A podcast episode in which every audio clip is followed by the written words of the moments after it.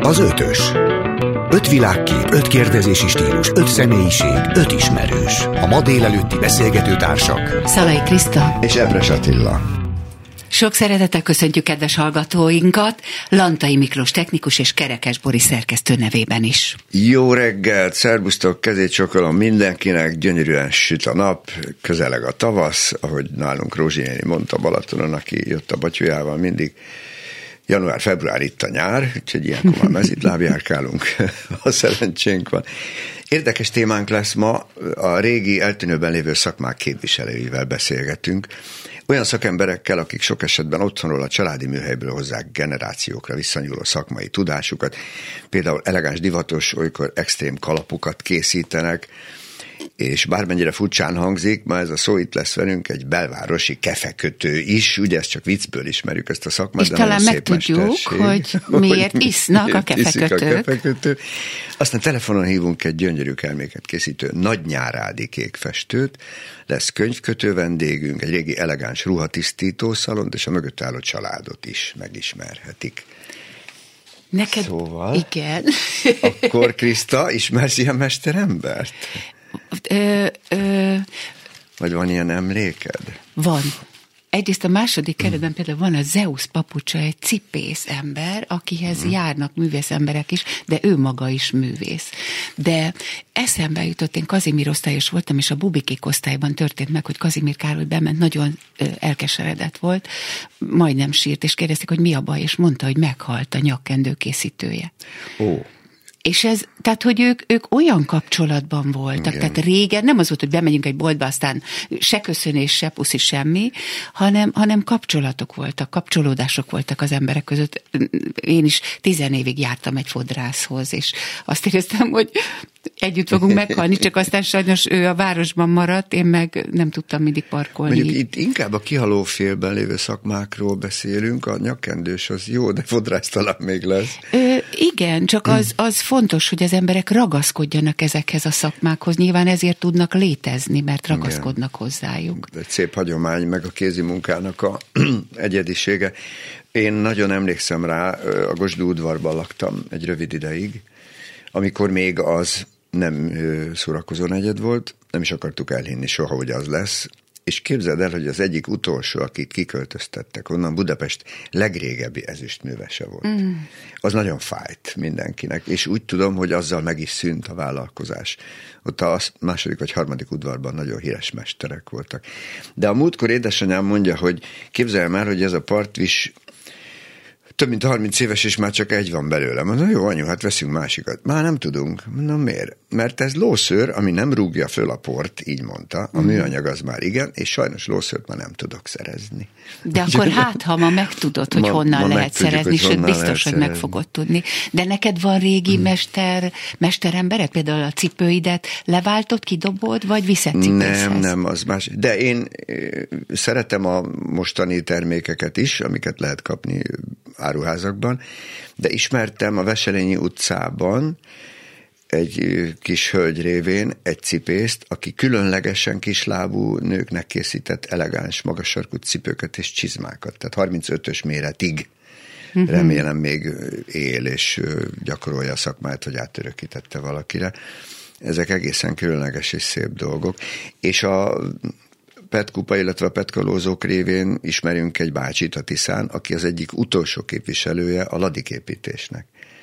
Az utolsó mesterember, most talán egy valaki van, képzeld el, csak akinek meg tudta tanítani. Igen, szerintem ez a nehéz, hogy ezeket a különleges szakmákat, Igen. különleges régi szakmákat meg tudják-e hát tanítani. Akár egy kalapkészítő, az, tehát van-e olyan ember, aki nyitott arra, hogy ő kalapokat készítsen? Hát úgy látszik, hogy van, lesz ma ilyen vendégünk. Ö, igen, a régiek, csak hogy újaknak át tudják-e adni a tudást? Hát meg a, meg a különleges művészi igényű dolgok még érdekesebbek ebben.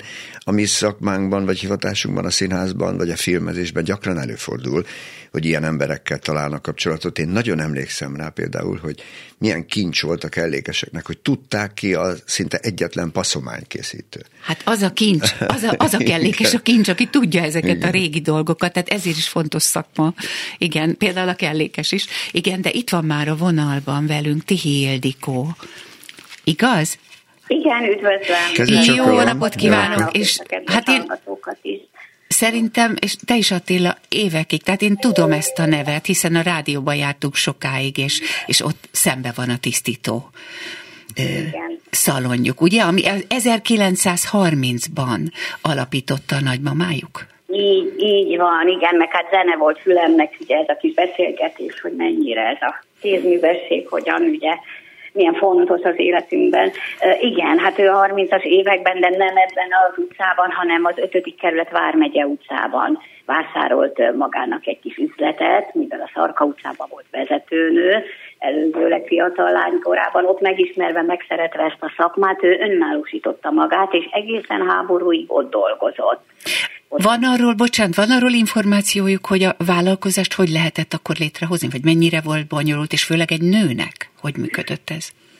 Igen, igen, hát, hát nem sokat tudunk erről, viszont, viszont megvette, megvásárolta az üzlethelységet. Nem tudom, hogy akkor milyen, milyen iskolai végzettséghez, vagy szakmai gyakorlat tapasztalathoz kötötték, én úgy gondolom, mivel volt ez az előzménye, a, hogy a Tarka utcában ő vezetőhölgy volt egy tisztítóban, és így azt hiszem folytathatta így az ipart nem tudom, hogy milyen, milyen speciális vagy, vagy engedélyhez kötötték akkoriban. Most már nyilván ez szakmához, évvizsgákhoz és technikumhoz és a, a háború tudom. után aztán mi lett az üzlet sorsa? Hát aztán ugye, hát ez egy nagyon borzalmas időszak volt, mert háborúig tudta folytatni, de uh-huh. hát mhm. ugye ott aztán szörnyű osztromállapotok, üldözöttek voltak, meg minden, úgyhogy ott, ott nagy történelmi korszakba került bele, államosították, elvették ezt az üzlethelyiséget és mivel a Bródi Sándor utcában volt a családi férfünk, a mai napig is az megvan, ezért édesapám segítségével itt sikerült bérelni 1953-tól ezt a bizonyos Bródi Sándor utca 22-es mhm. számú üzlethelységet. Tehát a sorszerűséggel, ahogy nagymamát elvesztettük, édesapám folytatta a, a, a vállalkozást, aztán édesanyám bekerülve a házasságba, és, és sajnos mindenki, akit elvesztettünk, folytattuk, most mi maradtunk az ikertestvéremmel ketten. Viszont viszont folytatjuk, csináljuk a, ezt, ezt a vállalkozást szüleink tiszteletére, a szakma szeretetével. Ez nekünk mindig nagyon fontos volt. A rádió közelsége fantasztikus volt, mert ismerettségek, barátságok, ahogy itt tetszettek mondani, hogy mennyire fontos ez a személyes kapcsolat. Tehát ez nekünk mindegy ilyen feltöltődést adott, hogy kikkel találkoztunk, kiknek a ruháját, mit tettünk rendbe. Ez fantasztikus korszak volt. Mire jártunk suliba, a Trefordba, úgyhogy meg gimnáziumba is, és ez kötődés volt nagyon ez a hely és a, a vendégkörünk, ahogy mi is belecsöppentünk aztán ebbe a vállalkozásba. Tudna pár embert felsorolni, hogy kik voltak a kedvenceik, törzs vendégeik? Ja, Istenem, hát, hát hogy ne, hát a, a, a régi színészvilágból az Őze Lajos, emlékszem, mm. édesapám idejébe ide ült, és, és, és itt, itt beszélgetett Szemes Mari, Váradi Hédi, Pászi Lajos úrra tudom, pitikoltunk, Besenyei Ferenc, hát olyan nagy nevek, hogy nem igaz aztán, aztán a zeneszerzők, a Gyulai Gál János, a Bágya művész, Ura Bukán György, hát a, szóval fantasztikus. És ezek ismeretségek, barátságok voltak az egész zenei szerkesztőség, az Göcce és Zsuzsitól kezdve. Hmm, és hát ő itt is dolgozik. Gondolatali munkássága, Fidelikus, hát annyira jó volt itt minden. És, és ugye közel volt a rádió, vártak a taxit, bejöttek hozzánk nem csak tisztítani, hanem, hanem beszélgetni, csacsogni, az én szüleim olyanok voltak, hogy, hogy, hogy kedvesek, beszélgetősek voltak, kontaktban voltak az emberekkel, és ez nagyon-nagyon fantasztikus, és ennek a hiánya van nagyon sok esetben. Aha, tehát ez kicsit úgy is működött, mint egy közösségi hely, gondolom volt egy kis kávéfőzés.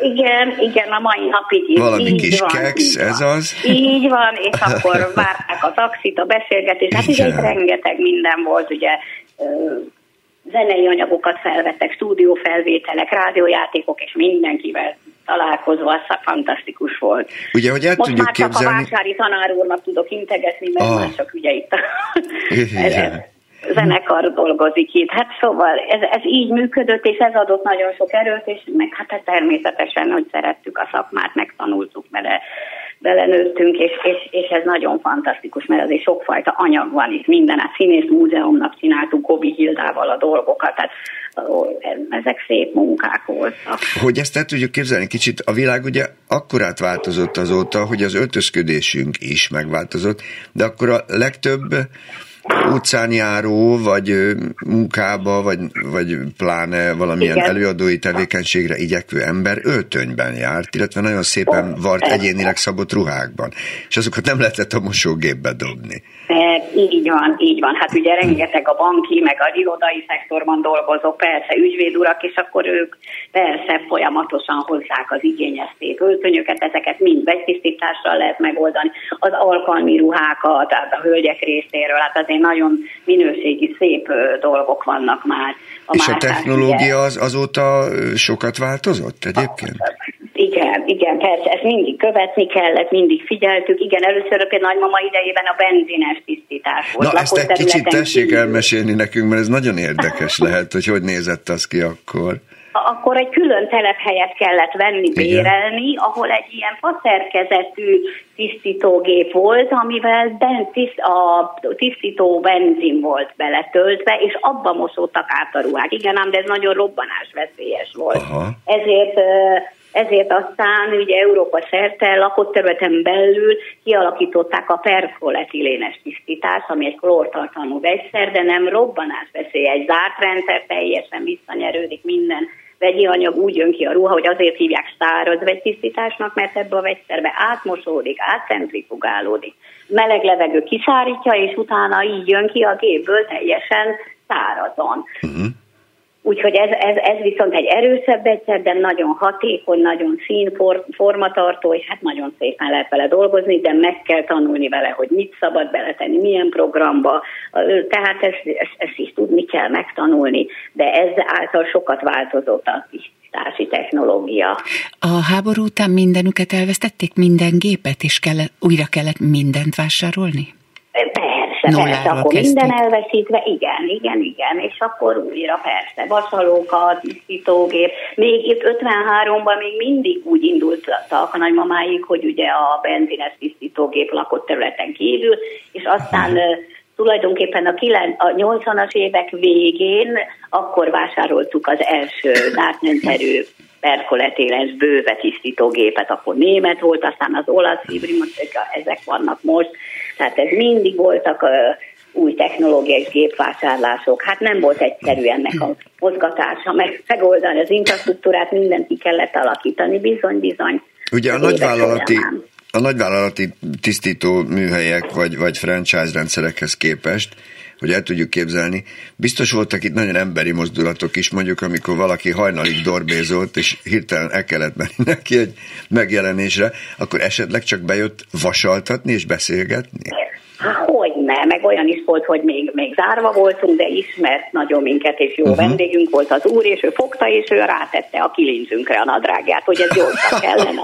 és tudtuk, hogy ő ki volt, és, és gyorsan megcsináltuk, telefonált, tehát tehát ez így működik, pontosan ezért, hogy megvolt a személyi kapcsolat, kontakt, ezért uh-huh. mindig azért itt vagyunk a vendégekkel, és a vendégkörünkkel mindig kapcsolatban vagyunk, szóval annyira jó sztorik voltak ezáltal, hogy fantasztikus mai napig a felesége ide jár a gyerekei, meg már a generációk itt, már a nagymama utána, már az unokák itt vannak, szóval igen. És ez még készpénzes világ volt, igen. És hogyha, ha nem akar, ne árulj el, de biztos volt olyan, hogy valaki nem tudott azonnal fizetni. Ennek biztos volt egy nagyon emberi és megengedőbb rendszere, mint a mostani kártyásnak. Uh, igen, igen. Igen. Volt hitel? Még ha hiszi, hanem még a mai napig is akad egy ilyen helyzet, hogy jó, nincs, akkor megkapjuk majd, hozza be mindenet, nyilván ismerjük. Tehát ja, még igen, igen, igen, igen, van, igen. Annak... Nagyokat néznek, hogy ez azért nem sok helyen van, de igen, a bizalom, hogy meglegyen, és akkor igen, megkapjuk. Igen. Ha nem, akkor tévedtünk. Annak... Aha, annak idején azért az embereknek nem volt mosógépük, tehát nekünk például Igen. nem volt, sőt, még a színművészetén is emlékszem, 30 évvel ezelőtt kézzel kellett mosnom, mert, mert ilyen Bizony. dobosgépünk volt, centrifugánk, tehát akkoriban nyilván rengeteg ember vitte a ruháit tisztítóba. Így van, tehát ez át is alakul, persze. Akkor Ezt akarom pont kérdezni, hogy... A balonkabátok, ugye a más volt akkor, ugye hm. egy, egy, egy 70-80-as években sok minden mosható volt most is vannak, mivel a műanyag világban, de visszatérnek az emberek most már megint a nemesebb szép anyagokhoz, a gyapjuktól meg, a vinyi stílushoz keresik a fiatalok már ugye inkább, van, aki ilyen esküvőruhát keres, és nem veszi meg a méregdrága szalomból készített ruhadarabokat. Tehát minden változik, térnek vissza a, a, szebb, a szebb valódi nemes anyagokhoz, és akkor féltik, és jönnek, hogy akkor csak hozzánk, mi tegyük rendbe, és nagy öröm van, hogyha sikerül ez, mert ugye mindenkinek a kedvenc darabja. De nagyon kicserélődött a vendégkör? Vagy szélesedett, hát, szűkült? Hát, Hogyan alakul?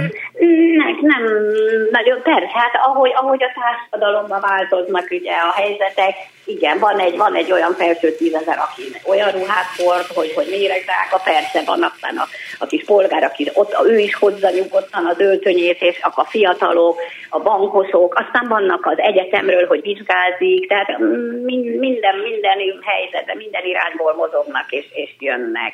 És ezt mi is mindenkit szépen ki kell szolgálnunk. Voltak olyan történetek, amikor nagyon hirtelen meg kellett menteni valakit, mert bajba került a ruházatával?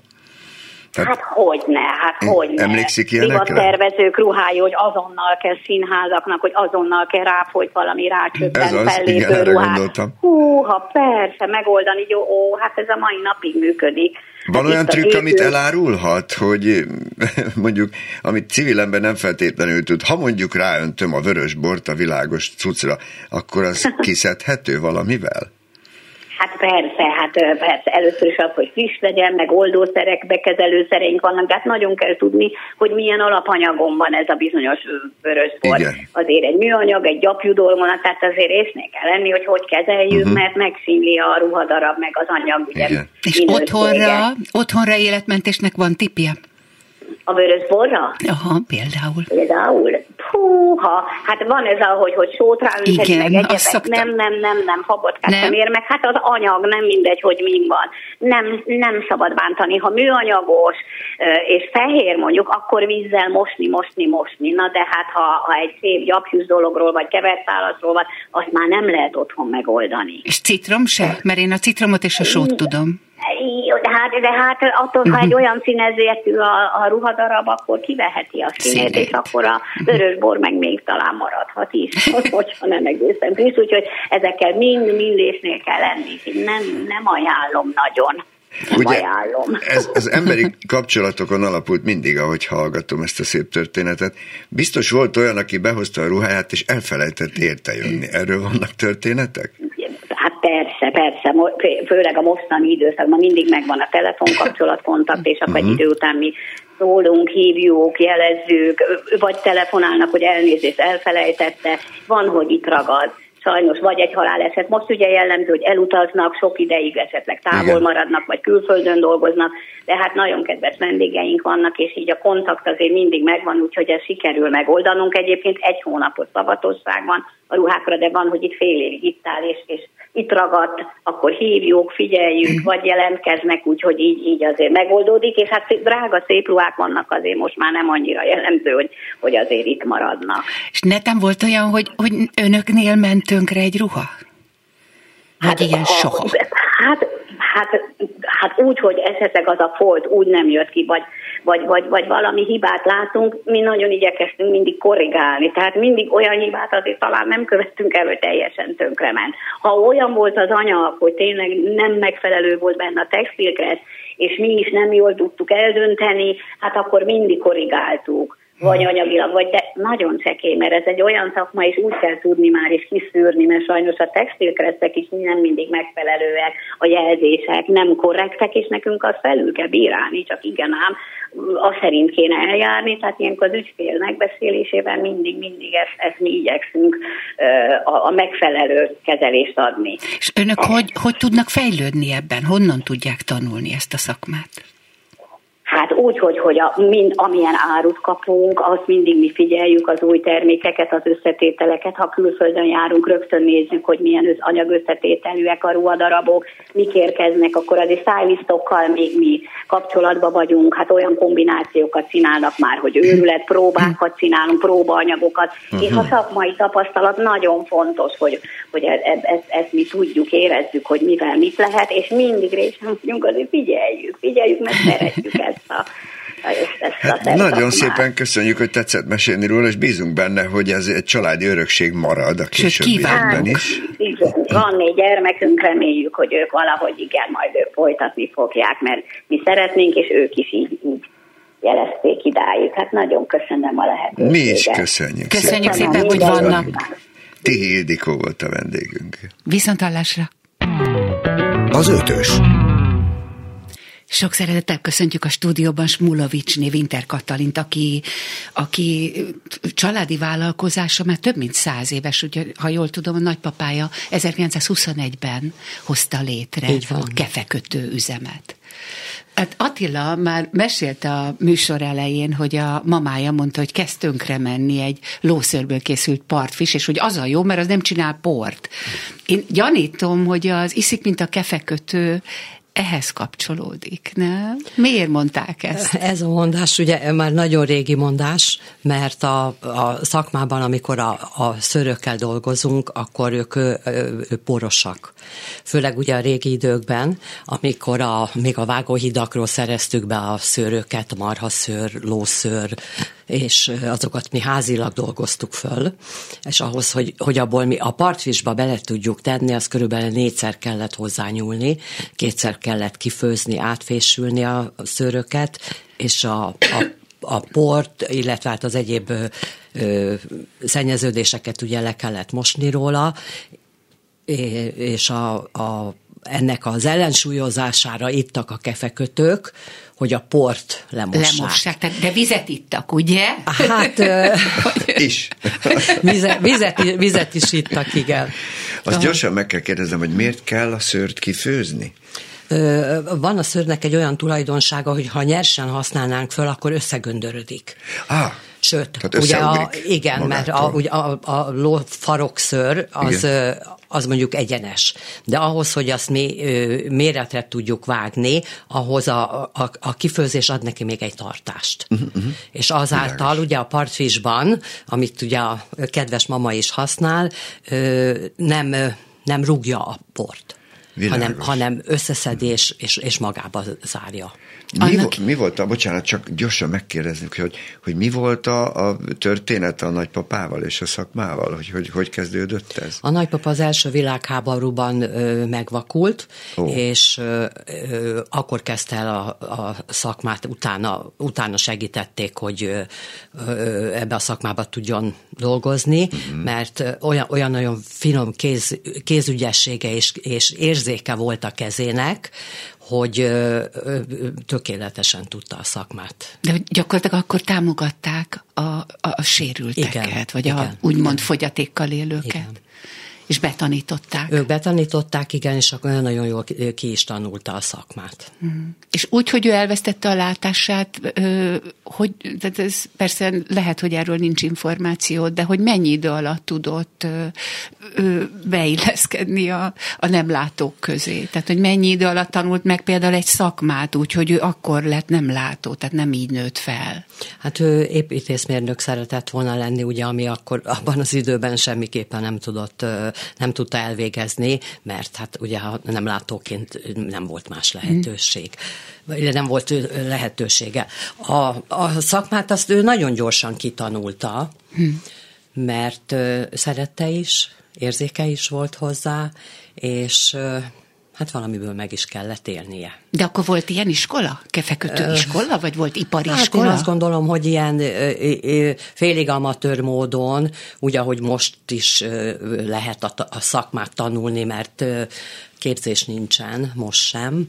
Az már körülbelül... Tehát a mesterek adják át a igen, tudásukat. Igen, mm. igen. Hány éves korától emlékszik a műhelyre körülbelül? 5-6 éves korától. Ja, egész kicsi korában Én már ott volt. Kicsi Uh-huh. Nagyon kicsi voltam, amikor már bejártam hozzá. Ugye ez e, e, egyrészt adódott abból, hogy őt nagyon szerettem. Ö, nagyon közel álltunk ö, még gyerekként is egymáshoz, hogy az üzletben van egy 102 éves pultunk, hmm. hogy épp hogy elértem a pultot, amikor én már bejártam hozzá. És utána mentek a piacra, és akkor az úgy volt? Ö, Árulni? Hát ő, ő járt a pia, ő uh-huh. piacozott, uh-huh. mai szóval ugye igen, akkor igen. még szekerekkel, meg mhm. mindennel igen, igen. vitte az árut, és akkor úgy, úgy terítették, hát voltak segédei, akik, akik ebben tudtak neki segíteni. De sokféle kefe készült, és sokféle szőrből, vagy, vagy volt valami speciális? So, persze, ugye az, az élet minden területén használják Aha. a keféket, tehát ugyanúgy az iparban, a háztartásban, uh-huh. mezőgazdaságban, hogy ő, ő ilyen TS-eket, magángazdálkodókat keresett igen, meg. Igen. És hogy emlékszik vissza, hogy mik voltak a fő alapanyagok? Az előbb mondta, hogy volt a, a marhaszőr, a lószőr. A, marhasz, a, a marhaszőr, a lószőr, a, a póniszőr, a lónak még nem csak a farkát használták föl, hanem a Sörény. sörényét igen. is használták, igen, és akkor a, a, a disznósörte. Disznósörte? Abban Még milyen... mókust is hallottam, nem? Vagy Igen, ez nem? A, mókus, a mókusször az, az, az a, nagyon... volt. A borotva ecsetet csinálják. Borotva, ecset. borotva ecsetnek uh-huh. használják, hogy annak is nagyon sok fajtája van, mert a magashegyi borztól, a ezüstborz, szürke oh, borz, fekete borz. És ezt hogy lehet beszerezni egy magashegyi borznak a... Hát ezeket Szőri. külföldről szerezzük be igen. most, igen. Volt-e valami megakadás a szakmában, amiatt, hogy a, az állatvédők persze teljes joggal elkezdték korlátozni ezeket a dolgokat? Ö, az annyira nem érezzük. Uh-huh mert ugye a természetes ször, hát a nyomdáktól kezdve a, a vegytisztító szalonokig csak természetes szőr tudnak használni. Tehát oh. a műanyag az Tehát egy, nem ezért az egy nagyon... meg az állatot, nem? Nem. Uh-huh. Nem, tehát ö, kitépik a szőrét, illetve ha már vágásra kerül az állat, akkor használják fel a szőrét. Hát meg a lovaknál az is van, hogy nyírják is és őket. nyírják. És akkor azt nem dobják ki, hanem biztos vannak kapcsolatok. Én tudom, hogy a színházi fodrászoknak, meg a filmeseknek vannak kapcsolataik ez ügyben, például, hogy beszerezzenek bajusz, meg haj alapanyagot, de gondolom akkor a kefekötőknek is vannak ilyen régi kapcsolataik. Igen, ebben. hát ma már nehéz azért így vágóhidról, vagy egyéb, egyéb területekről beszerezni, mert már nem, az a, nem úgy van a vágás, mint amikor vala, valaha volt, illetve nagyon, nagyon nagy munkával jár azt az anyagot úgy kikészíteni, hogy mi tudjuk használni. Mm. De azt gondolom, ezek azok a tárgyak, hogy gondolom, hogy ön is ezt tapasztalja, ami mindig kell majd. Tehát így a jövőnkben is, nem? Amit mondta, hogy nagy üzemekben használják, üvegtisztításra, bárhol. Tehát kefe, parfis, ez mindig kell Én azt majd. gondolom, hogy igen. Igen, ugye a háztartásban is nagyon sokféle kefét használunk. Tehát Hogyha erre... végig gondoljuk, akkor, Igen.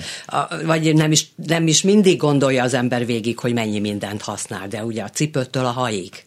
Az előbb tetszett mondani, hogy vannak olyan természetes kefék, amiket nem lehet műanyaggal kiváltani. Mik ezek tulajdonképpen? Hát mondjuk, a, a, a, ha nagyon jó árut szeretnénk készíteni, akkor ugye a hajkefék, amiket természetes anyagokból, uh-huh. ott vaddisznós sörtét használunk hozzá. Oh a borotválkozás. Igen, ez a, a mókus szőr. A, a borszőr. Borszőr, bocsánat, rosszul igen. Disznósörtéből is készítjük. Igen akkor az arckeféket, amit kecskeszőrből gyártunk, oh. az meg az egy nagyon finom, puha, ugye uh-huh. a mhm. babahajkefe, ami szintén a uh-huh. kecskeszőr az alapanyaga, és akkor ezeket mind természetes ö, ö, alapany, ö, természetes ö, ö, testbe tesszük, hogy általában kemény fából, bükfából dolgozunk. Mondjuk és egy kefe sem... mennyi idő alatt készül el? Egy kisebb kefe. Hát mondjuk például egy hajkefe. Igen. Uh, ugye a, a kézzel készített hajkefe, uh, hát egy olyan 45-50 perc wow. kézi munkát jelent. Azt Aha, tehát elég hamar. Azt és jogos, vannak törzsvásárlók, emlékszik ilyen emberekre, akik csak azért jártak a műhelybe, mert régiek voltak, és a kapcsolat miatt is beültek beszélgetni, vagy hogy megy ez? Ö, nagyon, nagyon sokan járnak vissza. Mert Aha. mondjuk megveszik a első partvisukat, Igen. és utána eszébe jut, hogy hát a cipőfényesítéshez is szeretnék egy kefét, vagy a akár az unokámnak a hajkefét, az első hajkefét mm-hmm. nálunk veszi, hogy járnak, járnak vissza, igen. Mi az a tárgy, ami már nem kell? Mert én például most meglepődtem, hogy, hogy ez a borotváló, borotváláshoz a pamacs, az még Nagyon sokan. Kelendő? Igen. Tényleg igen. van, aki még habbal és... Van, aki habbal, A vagy... Így van, de így jó. van. A faanyag felhasználása az hogy történik? Ö, azt is valami rendszeresített kapcsolaton keresztül kapják a faanyagokat? Igen, van egy, van egy asztalosunk, aki... Á, ezt akartam a- kérdezni, igen, mert ez egy picit aki- külön szakma. Ez egy más, más jellegű, ugye, mint aki a, a, a butorasztalos, de hát már nem is tudom, 35 éve együtt dolgozunk egy uh-huh. kollégával, aki meg minket ellát, mert ugye a, a fákat, hogy használni tudjuk, azt a millió lukat bele kell fúrni. Igen, igen. És az és is egy, egy külön szakma Az tulajdonképpen. előbb mondta, hogy jellemzően bükkfa, de milyen faanyagokat használnak még? Néha szoktunk trópusi fát is használni, uh-huh. vagy, vagy cseresznyefát. Cseresznye? Egy erdésszel beszélget. Beszélgetsz, úgyhogy... Az a kérdésem, hogy ebben a szakmában, vagy ezen a területen, ezekkel a tárgyakkal működik-e az újrafelhasználás? Hogy például valaki bevi, inkább visszaviszi, hogy csináljátok meg. A, az újrafelhasználás az ezeknél a tárgyaknál annyira nem egy, nem egy szempont, mert mondjuk vesz egy kefét, egy, egy cipőkefét 30 évig biztos, hogy használ. Aha. Egy partvis is legalább 15 évig használható. Ö, De viszont, hogyha van egy régi ezüst keféje, amit szeretne felújítani, akkor azokat szoktuk csinálni meg. Ja, persze, mert olyan is van, Igen. hogy, ne, hogy nem fanyelő az, hanem, Hanem egész van egy- komoly műtárgy. Igen. Hát akkor ez családi erekje. Szokták mesélni, hogy kitől van, honnan Mind, van? mindig elmesélik, igen. Hogy most találtam a nagymamánál. Emlékszik hogy, ilyen történetre, ami, ami úgy megmaradt? Hát Vagy híresebb törzs vendégre, aki, akiről mesélhetne? Persze csak ha nem műhelytitok, mert akkor ne, nem nem, forgatom. nem, nem, nem műhely ti- titok, hogyha mondhatok neveket. Persze, Balá- Balázs. Péter volt bent az uh-huh. üzletbe, és ő is egy ilyen régi kefét újítatott fel. Meg külföldről, külföldről járnak még hozzánk nagyon sokan így vásárolni, és, és Igen, most, hogy beszélgetünk, így belegondoltam, külföldön nem láttam ilyen boltot. Tehát ti egyediek vagytok a piacon? Azt nem mondanám, hogy egyediek, egyediek vagyunk, de mondjuk annyiféle terméket, mint amennyit mi gyártunk, azt általában nem, nem hm. szoktak gyártani, mert szakosodnak arra, hogy van, aki csak az ecseteket készíti, van, uh-huh. aki a dróttal foglalkozik, uh-huh. drótárút készít, de mi összefogjuk a illetve uh-huh. gyártjuk az összeset. És mit érzel, szükség van a szakmádra? Szükség van a kefekötőkre? Én, én azt gondolom, hogy igen. Azért is tudok, hát most már én, én 42 évet csinálom. Fú, szép. Az a, ö, 40 éve a férjemmel együtt csinálom, és ugye, hát ha nem lenne szükség, akkor gondolom, hogy nem tudnánk megmaradni. Ez, ez mennyire egyedi vannak még Budapesten többen, vagy, vagy Van, igen, igen, egy, egy, egy, egy jó páran benne vagyunk a szakmában, és azt gondolom, hogy azáltal tudunk maradni, hogy, hogy mondjuk az ipari felhasználáson kívül, hogy az ember a szakmáját szereti.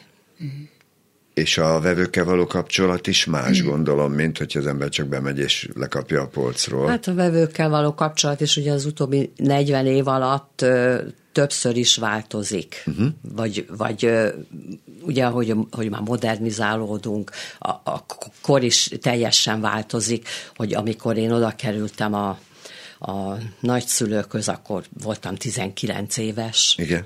És hát ugye akkor is egy 19 éves leánykának, akinek talán akkor nem ez volt az álma, hogy ezt csinálja. Pont ezt akartam kérdezni, hogy ez volt az álmod, mert imádtad a nagypapádat, vagy készültél valamire, de egyszer csak ide csöppentél? Hát ami, amikor én már hozzájuk kerültem, akkor ők már 80 évesek voltak. Uh-huh. És akkor ugye hát családi megbeszélés következtében, hogy hát menjek segíteni. Nem volt nekem új a szakma, mert én minden nyáron besegítettem nekik, és legalább másfél-két hónapot bent dolgoztam az, az üzletbe, vagy, vagy kisegítettem pontosabban, és akkor úgy, úgy döntöttünk, hogy hogy Örömmel megpróbálom. döntöttél úgy? Te? Hát nem mindig, ugye a korosztálybeli különbség is néha nem, nem, volt, nem volt könnyű, de, de mivel ugye a, a, a szeretet a nagyszülők uh-huh. iránt is, meg uh, szerettem bejárni. Volt a hang, az, egy hangulata az üzletnek. Uh-huh. Akkor nagyon sok bedolgozó volt, jöttek ugye a vevők, hogy napokban találtam meg egy füzetet, amiben a nagypapám nekem minden vevő után egy forintot adott, és Jaj, akkor föl volt írva, hogy ki jött, és akkor, akkor kaptam az egy forintot, az volt a kis zseppénzem. Akkor még nyári. egy forintból lehetett venni valamit? Hát hogyne, hogyne. 50 fillér volt egy fagylalt. Abszolút. Igen. Két forint és, és savanyú cukor. És volt törzsvendékkönyvetek netán? Hát azt sajnos nem csináltunk. Hmm. Hogy az nagy baj. Nem baj, akkor kezdem még most. El lehet még most is kezdeni, mert ugye mindig ö, ö, gondoltam rá, hogy ilyen vendégkönyv, hogy a, a, uh-huh. a világ hány országában találnak meg minket. Most, most. Igen, hogy, Igen. hogy bent, vagyunk a, bent vagyunk a belvárosba, és a, a, a turisták a, ámulattal nézik az üzletet. Mert Tehát valaki ott, csak bejön nézelődni? Bejön nézelődni, próbálnak az üzlet kívülről fotózni, Igen. és akkor, akkor mondjuk neki, hogy nyugodtan gyere be, Jaj, nézd meg, jó. hogy mi van, Igen. és van, aki, aki el is tábul. Persze. Mert olyan dolgokat tud venni, ami, ami máshol, máshol nincsen, vagy pontosabban ő, ő látja, hogy hogy készül, mert, mert az üzletbe is dolgozunk, és amikor látja, hogy, hogy hogy készül, hogy milyen kézi munka van a mögött, amit ő megvesz, akkor, akkor örömmel vesz. Igen, ez komoly érték. Egyrészt ugye mm. sok természetes alapanyag van, másrészt meg megmarad az emléke, hogy ezt egy ember készítette. Igen. Meg egy De kicsit miatt... visszautazni az időben, hát Persze. ez fantasztikus érzés lehet. Pont ez ezt akartam, hogy a technológia azért változott? Alapvetően nem. Nem, ugye? Gondoltam, mert ugyanazokkal változott. a dolgokkal Igen. Tehát nekem vannak dolgozni. olyan szerszámolm, ami száz évesek. Ó, és működőképesek. És működőképesek. Már ugye nagy üzem van, és a, bemegy egy nagy áruházba, valaki aztán lekapja a polcról. Te mit, mit mondanál egy kis üzleti, üzleti csalogató, hogy miért ne azt vegyük, és miért nálad vásároljunk? Hát általában a, a, a nagyüzemi és ilyen nagy bevásárló központos á, árucikkek, azok nagyon széria termékek. Uh-huh. És műanyagok? Nagyjából műanyagok, Nagy részben műanyagok, igen. igen. Arra is szükség van, tehát uh-huh. az is kell valaki egy egyszerű felhasználásra nem vesz, nem vesz más terméket, Persze. vagy pont ott van, megtetszett, megveszi. De aki mondjuk kipróbálja és, és használja a termékeinket, az visszajár. De amit Ati is mondott, hogy, hogy a lószőr parfis az nem poroz, ugye? Igen. Igen. Ellenben a műanyag, ugye? Meg hát ugye hány éve használja 30, ugye azt mondtad? 30 év. Hát 30 éve, 30 igen. Év. És azt nagyon sajnálta, hogy már nincs, de akkor most már tudjuk, hogy hol kell beszerezni a következőt. Biztosan tudja, hogy ez egy értékőrző tevékenység, és van erre törekvés, hogy fönnmaradjon? Mi lesz a jövője a műhelynek? Hát a törekvés az mindenképpen megvan. Uh-huh. Ugye két gyermekem van, az egyik az egyelőre még világot lát, a Helyes. másik meg épp most van ö, olyan helyzetben, hogy megint döntés elé kerül, hogy, hogy merre induljon. Marad, vagy hogy, ezt csinálja hogy, veletek? Nehéz, nehéz a mai fiataloknak, mert ugye azért ugye iszik, mint a kefekötő, tehát most is piszkos a, piszkos a szakma, tehát amikor, amikor, uh-huh. amikor dolgozunk, akkor a, nem a legtisztább a kezünk. Hát fogunk ma beszélgetni De, kékfestőkkel, hát ott meg aztán, hát aztán ott végképp befogja kezüket, igen. igen nagyon jó, hogy megtudtuk, és nagyon bízunk benne, hogy akkor ez a szép szakma tovább öröklődik ezekkel a szép anyagokkal. Köszönjük Nagyon szépen, szépen köszönjük, hogy, hogy velünk volt. voltál. Köszönöm szépen. És Winter Katalin volt a vendégünk. Az ötös. Itt az ötös újra, és a kihaló félben lévő, vagy, vagy éppen szép hagyományos szakmákról beszélgetünk. A telefonban itt van velünk, ha igaz, egy gyönyörű régi mesterség képviselője, ifjabb Sárdi János kékfestő. Jó napot kívánok! Jó napot kívánok! Jó napot kívánok! Édesapja örökségét viszi tovább Nagynyárádi műhelyében, jól mondom, ugye? Igen, igen. Hogy és mikor került Magyarországra ez a mesterség? Mesélne nekünk, hogy nehogy valami butaságot mondjunk. Én azt hallottam, hogy Indiából származik, de ez nem biztos. Hát az alapszakma az valóban távol-keleti, Indiából, Kínából és Japánból is nagyon sokan jönnek azóta is, és ott is műveli. De valóban a, Európába akkori időben hajózással került rá, és aztán Nyugat-Európa felől Magyarországra.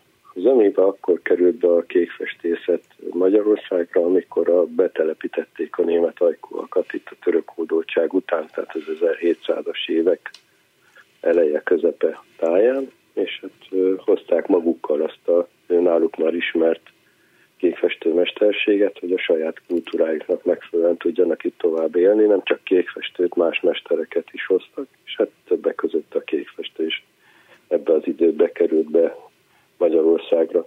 Előtte is volt néhány műhely, de azok inkább ott a felvidéken, Eperjes, Kassa környékén és a bécsi cégekhez tartoztak még ezt megelőzően, de az ország nagy részén nem volt addig ismert a kékfestő. Változott a növény, amivel festettek? Változ, nem változott, ez ugye egy indigó nevű növényből származik a festék, ami ugye különböző változatai vannak, megpróbálkoztak valamikor Európában is ennek a termesztésével, úgyhogy olcsóbb legyen, mint hogy távol-keletről hajóval behozni, de igazából itt az európai környezetben nincs olyan festéktartalma a növénynek, ami ez gazdaságosan ki vehető belőle, és hát ezért maradtak ennél a növényi változatnál. Aztán sajnos, a, hát nem sajnos, de ez a világ lengye, az múlt század, tehát az 1950-es években az egyik német autó, bocsánat, festékgyártó az megcsinálta ennek a szintetikus változatát is, úgyhogy most már mind a kettő ismert. Uh-huh. Tehát mind a kettőt használják is a mai napig? Hát Európában az ömében igen. Hát én egy kicsit ilyen konokfejű vagyok, mint ahogy édesapám is volt. Én szeretem az eredetit, a természeteset, úgyhogy én Indiából veszem most is a az indigót, mert ott még eredeti növényből készül, de meg lehet kapni Németországba, festékgyárba ennek a szintetikus változatát is, mind a kettő nagyon jól működik. Az előbb a kefekötő, kefekötésről beszélgettünk, és arról, hogy ez egy koszos szakma, hát mondtam, hogy a képfe, kékfestéshez képest az szerintem az semmi. Azért kell, meg kell teremteni a körülményeit a kékfestésnek, ugye? Milyen, milyen körülmények kellenek, és milyen technikát használ? Hát ez egy ugye nagyon régi technológia. Én igyekszem mindenben megtartani az eredetit, az, az előkészítésnél ugye a vásznat először kifőzzük, ott is a nagymamák által használt régi szódás mosást használom. Én most is ilyen órán keresztül főzöm a szódás vízbe az anyagot. Elnézést, az miért kell? Az a fehérítéshez kell a szódás, vagy miért? Hát egyrészt igen, megtisztítja a szálakat, másrészt meg ugye szövéskor használnak bizonyos anyagokat, amit hát ugye nem kívánatos a festésnél, ezüktől meg kell tisztítani. Régen is, amikor még otthon szőttek az asszonyok, akkor ugye elsősorban a szennyeződések voltak, aztán később, amikor már gyári körülmények között készültek a szövetek, akkor pedig használtak olyan gyantákat, szövéshez, ami hát a festéskor nem kívánatos, és ettől meg kell tisztítani. Én válogatás nélkül minden anyagot, amit felhasználok előtte egy órán keresztül főzöm. Uh-huh. És utána jön a nyomtatás? Ö, így van, utána van egy mintafelvitel, ami ugye egy, egy sok vegyszerből álló massza, amit felviszünk mintagyanánt ugye a a vászonra, a fehér vászonra, és miután kékfestők vagyunk, így kékre festünk utána, amikor a minta már rajta van. Elnézést, a mintát, azt hogy teszik rá? Mert én úgy képzelem el, mint a batikolásnál, hogy méviasszal, vagy, vagy nem tudom, szóval, hogy mivel teszik rá a mintát? Vannak úgynevezett mintadúcok, amiket erre használunk, ezek is nagyon régiek, ez valamikor egy külön szakma volt, akik ezeket készítették, sajnos ez a szakma végképp kihalt, úgyhogy most már ezek úgymond pótolhatatlanok. Hát manapság próbálkozik minden kékfestő egy kicsit a karbantartásukkal, meg esetenként újabb mintákat is meg lehet csinálni, de nagyon más szakma ez, tehát ez nem a kékfestészet tartozik, hanem ez mint eszközt használjuk, és ezt bemártjuk egy úgynevezett ilyen masszába, tehát papnak hívják, ugye a pépből származó neve van, tehát és akkor ezt egy ilyen ütögetéssel át lehet vinni a vászorra, majd szépen egymás mellé kell rakosgatni ezeket a mintákat, és kialakul adott esetben egy egész végnyi anyag. Akkor ezek a fából készült nyomódúcok elég régi dolgok, ugye? Régi, nagyon régiek. Hát édesapám is úgy vásárolta őket. Uh-huh. Úgyhogy ezek az zömében több mint száz évesek. Sajnos nem nagyon lehet a korukat megállapítani, mert ugye használat közben örökösen megmaradt. Tehát, hogyha használom is minden alkalommal kézbe veszem, belemártom ebbe a masszába, ütögetem, ugye, mikor felviszem a mintát, aztán kimosom, tehát nedvességet is kap a fa. Tehát így meg aztán sokáig megmarad. Hogyha valaki ezt használja, akkor talán még száz évig lehet őket használni, vagy tovább is attól függ, hogy mennyire. Fordít gondot a karbantartásukra. Megrendelésre dolgozik? Tehát működik még a megrendelés országon belül, vagy akár külföldre? Hát én zömében a saját kutfejem után dolgozok, de megrendelésre is csinálom, hogyha valaki kéri természetesen, de azt kell, hogy mondjam, hogy a, a termékeinknek a 90%-a az olyan, hogy én elképzelem, hogy mit csinálok, megcsinálom, és akkor az üzletembe, vagy valahol vásárba, ahol éppen vagyunk, vagy kiállításokon, akkor meg lehet vásárolni. És azt ö, szokta tudni, hogy kik és milyen alkalmakra hordják ezeket? Van ennek most netán egy reneszánsza? Hát ugye most egy kicsit hála Istennek azt kell, mondjam, hogy a, a, a hagyományos, meg a kézműves, ezek újra előtérbe kerültek, uh-huh. egy kicsit úgymond divatosak is. Igen. És hát ugye ezeket az embereket, emberek újra észreveszik, hogy mennyire jó ezeket a régi anyagokat használni. Egyrészt azért, mert nem műszálas, tehát tiszta pamut vagy tiszta lemvászonból készült maga az anyagok, amiket használunk, természetes anyagok tehát sokkal kellemesebb a viseletük. És hát elsősorban a, ugye a, a népi vonalon, tehát néptáncosok, különböző ilyen alkalmakra felöltöző embereknek vannak ilyen ruhái, és a, a másik nagyobb terület az a lakáskultúra, ahova bekerül, tehát asztalokra, hmm. terítő, különböző dekorációkra, függönyökre, ugye olyan házakban pincékbe, tájházakba nagyon jó mutat függönynek is. És hát most egyre inkább azon törekszünk, hogy minden inkább visszatérjen ez is, hogyha lehet a mindennapokba, úgyhogy pont most indítottunk el újra egy ilyen pályázatot, amit tavaly is volt, hogy hölgyeknek adjuk a lehetőséget, hogy kékfestő anyagból varjanak a viselhető, minden nap viselhető ruhát. Uh-huh. És hát tavaly is nagy sikere volt ennek a pályázatnak, remélem ide is. De jó. Az lesz, és hát ezzel mindennapok által viselt ruhák közé visszacsempészük a kékfestőanyagot. Ma régi szakmákról beszélünk, és a tisztításról és egy tisztító üzlet tulajdonossával is beszélgettünk. Azt hiszem, hogy a kékfestőt otthon nem nagyon lehet, vagy nem nagyon érdemes mosni, hogy megtartsa a színét, ugye? Illetve akkor nem fogja megtartani, ha otthon mossuk. Nekem volt régen kékfestő szoknyám, és iszonyatosan engedte a színét, hogy mit tanácsol. Tisztítóhoz vigyük? ha van kékfestő ruhánk, vagy otthon valahogy meg lehet oldani? Hát ennek is van egy rövid kis története, hogyha van annyi hogy ugye régen a, nagyon sok mester volt, ahogy említettem, a, főleg a 900-as évek elején, és hát sokat nem törődtek a minőséggel, és indigóval festettek, és ugye nagyon sok festéket gyorsan megfestették, és sajnos, hogyha így festik, akkor az utána le is jön, tehát fog. Mm. De hát sikerült, hála Istennek most már olyan technológiát kifejleszteni is ebbe elsősorban. Édesapám is nagyon élenjáró volt, és most ugye úgy festjük az indigóval is, hogy mondjuk első mosásnál valószínű még engedi a kék szint, de utána ah. gyakorlatilag mi is használunk ott a mindenféle terítőket, inningeket viselek, és a feleségem a színes anyagokkal együtt mosógébe otthon oh. minden további nélkül. Tehát nem, nem kell semmi, nem kell ecetes vízben, ah. nem tudom, hogy miket szoktak mondani. Igen, azt. Ez egy olyan eljárás, amit hogyha rendesen megcsinálnak a kékfestők, akkor utána ezzel nem kell uh-huh. semmi ilyenben foglalkozni dolgozni, mint színes anyagokkal együtt lehet. Ez jó hír. A családtörténetben hogy indult a kékfestés? Erről egy kicsit mesélne nekünk a kezdetekről, édesapjáról és az ön bekapcsolódásáról? Édesapám ugye itt Mahács környékén van Nagynyárád, és egy ilyen kis faluban éltek a nagyszülők, ilyen sváb emberek voltak, és hát gyerekként kivitték a szőlőbe, hogy segítsen ott kapálni, ötözgetni, stb. És mondta, hogy hát ő neki ez igazából annyira nem tetszik ez a munka, inkább a mi poros szakmát választanak.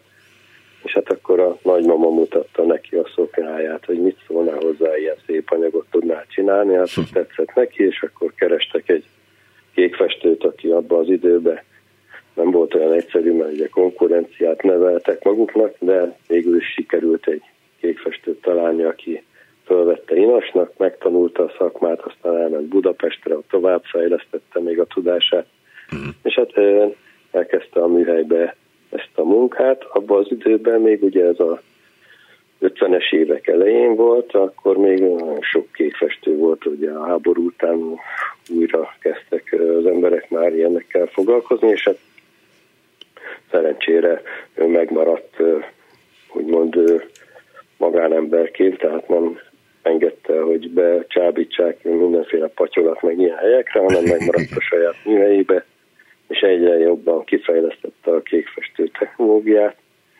és hát én is abban az időben ugye nem lehetett ezt a szakmát tanulni, én elmentem vegyésznek, mert szerette volna, hogy én is kékfestő legyek, de hát nem lehetett, és akkor mint vegyész is tudtam egy kicsit vele együtt ebben sokat beszélgettünk különböző technológiákról, hogy hogy lenne jobb, és hát így sikerült egy olyan állapotát megtalálni ennek az indigos kékfestőnek, amivel most már bátran lehet minden mai körülményeknek megfelelően is használni.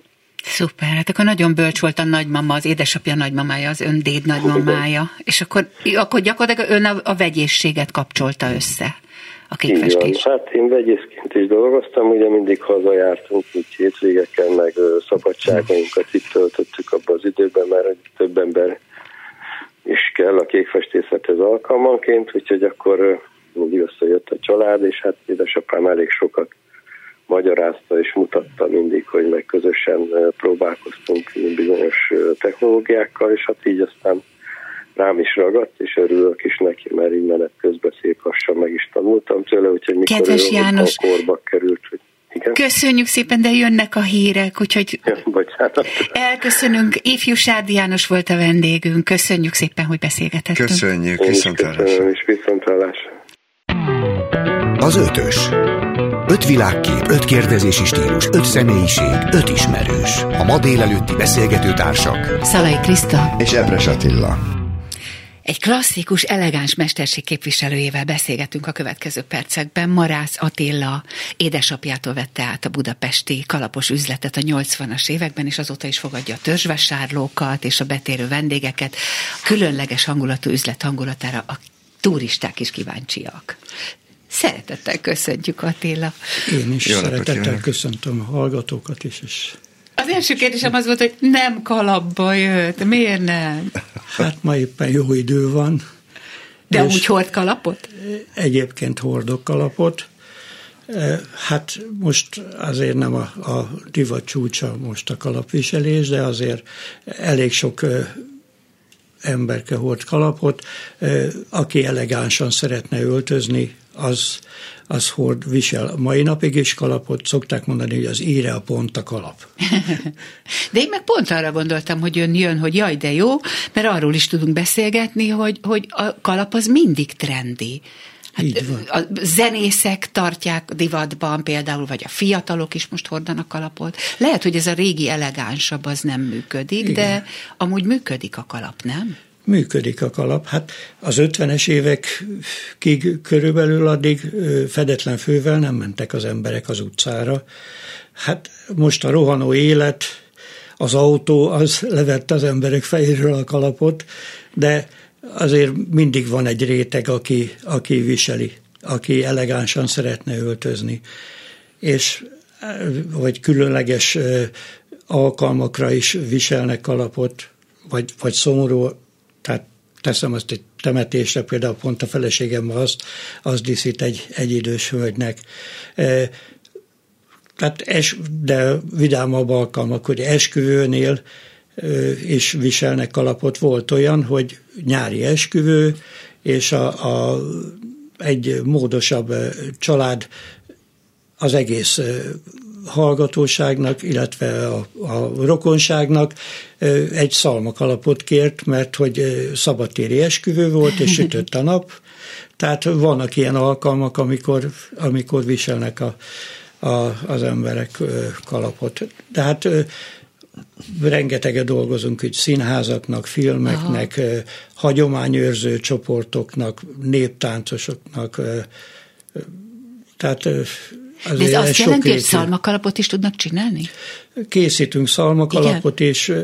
De Mert hát, az meg egy más mesterség, nem? Így Vagy? van, így van. Tehát az, az hát előtt, először ugye ott, ott az, a, az igazi szalmakalapnál ott azt, azt fonják, és akkor egy ilyen szallagszerű anyagot, egy fonott alapanyagot kapnak, és akkor azt varják össze, mind a kakaós tehát Aha. ugye spirálba összevarják, hát, és akkor utána formázzák, vagy, vagy a, a például Ekvádorba készítik ugye a Panama kalapot, Igen. Ugye azt nem Panamába készítik. Az, az csak... szalmából van, ugye? Vagy nem, nem, nem az Kár Ludovica Palmata, az a hivatalos neve, Igen. és hát az egy ottani őshonos pálmafaj. Ja, persze. A, Butaságot beszéltem, itt, itt, az a lényeg, hogy ott a, a párás levegőtől egy viszonylag ruganyos pálmát kapunk, uh-huh. amit ugye ez pálmarost tulajdonképpen? Az, az egy pálmarost, amit egy ilyen kénes fürdőben átfőznek, és attól egy ilyen puha valami lesz. Uh-huh. Tehát ugye a szalmakalap az törik. Uh-huh. Mert hát a, a, a fűszál, amikor megszárad, akkor, vagy a szalmaszál, az, az eltörik. De a, a Panama kalapnál pont az a lényege, hogy az egy, az egy ruganyos anyag, uh-huh. amit ha megfognak, akkor ugye a kalap az, pláne férfiak hordják zömmel a Panama kalapot, és régen még divat volt köszönni, hogy állás szolgálja. Igen, állás szolgálja. És, állás, igen. E, és akkor megemelték a kalapot, hát ma már ez, ma már a köszönés sem mindig de divat. A, a hagyományos kalapnak is van egy speciális módja, nem? Vagy ahogy én elképzelem, hogy gőzölik az anyagot, kimerevítik, tehát Igen. milyen eljárásokkal dolgoznak? Tehát a, a, a hagyományos kalapnak az alapanyaga az a gyapjú, vagy nyúlszőr, vagy régen volt a hód, de hát az ugye védett állat lett, és az már, abból már nem igazán készítenek Még megfordulhat alapot. a trend, mert most túlszaporodott a hód, uh, tehát elképzelhető, visszakerül. Igen, hát, de hát az egy a, a hódból készült kalap az egy igen drága uh-huh. viselet lenne, tehát ez olyan, mint a krokodilcipő, uh-huh. krokodilbőrcipő. Uh-huh. És milyen eljárásokkal dolgoznak? Tehát mi még a hagyományos kézi formázással készítjük a kalapot, mind a régebbi időben is. Hát itt addig tesszük vissza a gőzbe a kalap alapanyagát, amit úgy hívnak, hogy kalaptomb.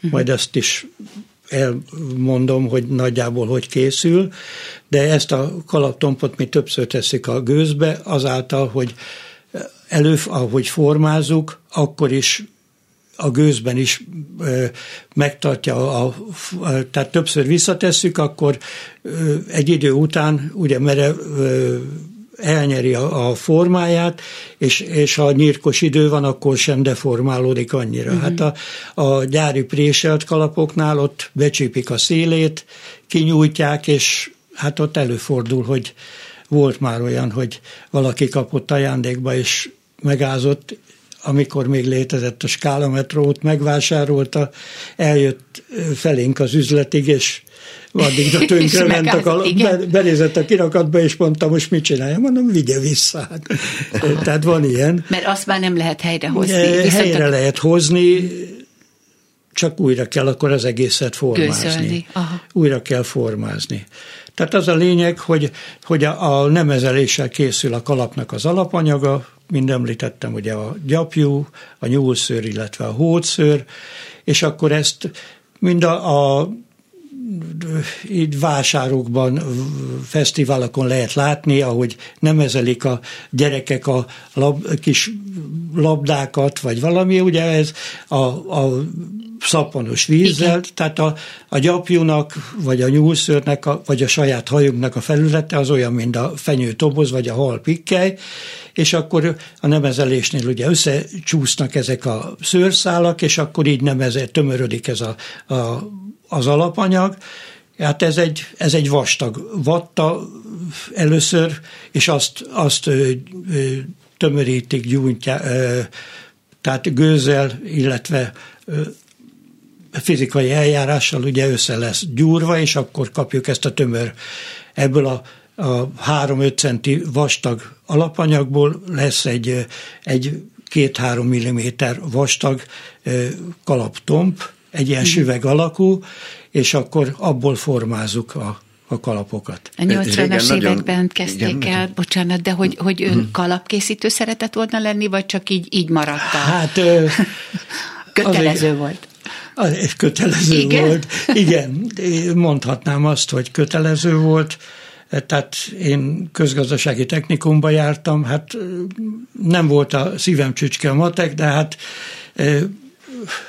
elvégeztem az iskolát, utána el is kezdtem itt dolgozni, hát akkor még a számítógép akkora volt, mint ez a, ez a stúdió, és hát abból lett a, a mobiltelefon, ami több, többszörösét tudja, csak aztán ö, végül édesapám addig győzködött, amíg, amíg elkezdtem tanulni ezt a szakmát, és hát utána nagyon megszerettem. Mennyi Tehát idő alatt tanulta meg?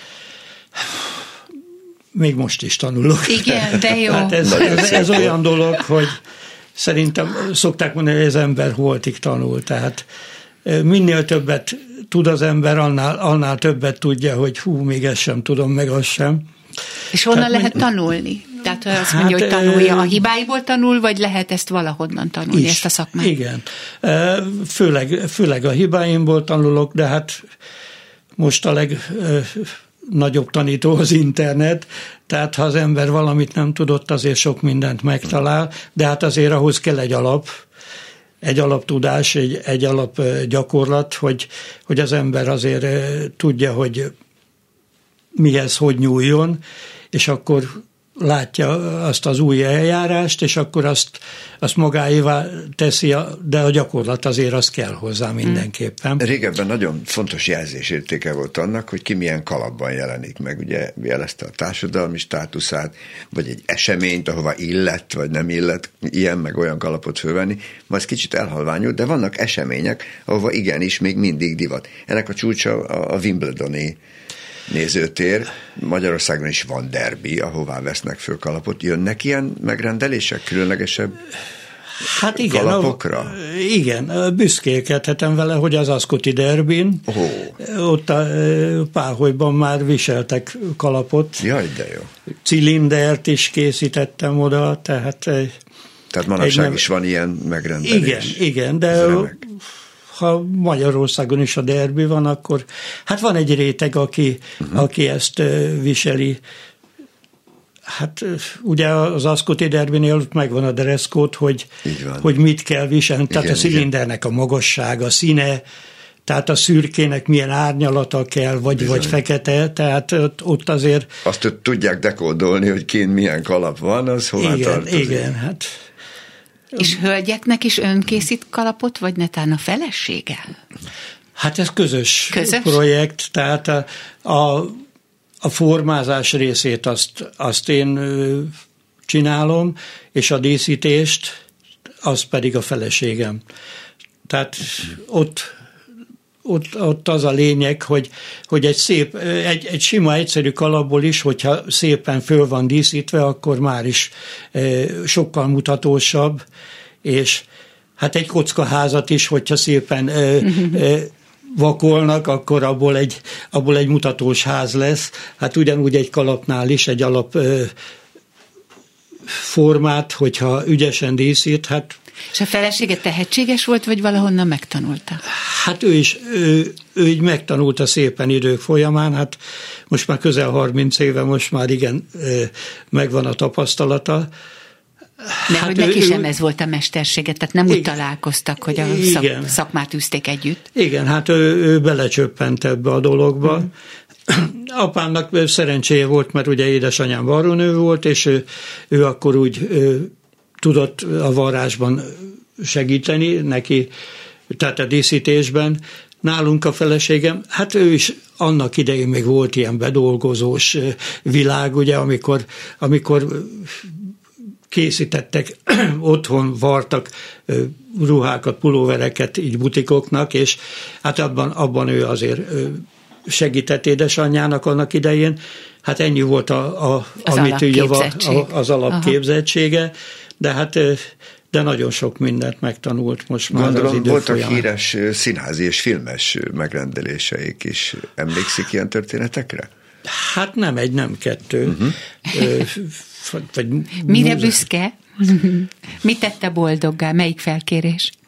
Hát sok olyan van, tehát ezt, ezt én nem is, nem is tudnám rangsorolni. Hát én tényleg örülök annak, hogyha ha elmegyek egy előadásra, hogy meghívnak egy főpróbára, Igen. és akkor ott találkozom ott a, a, a, a kalappal.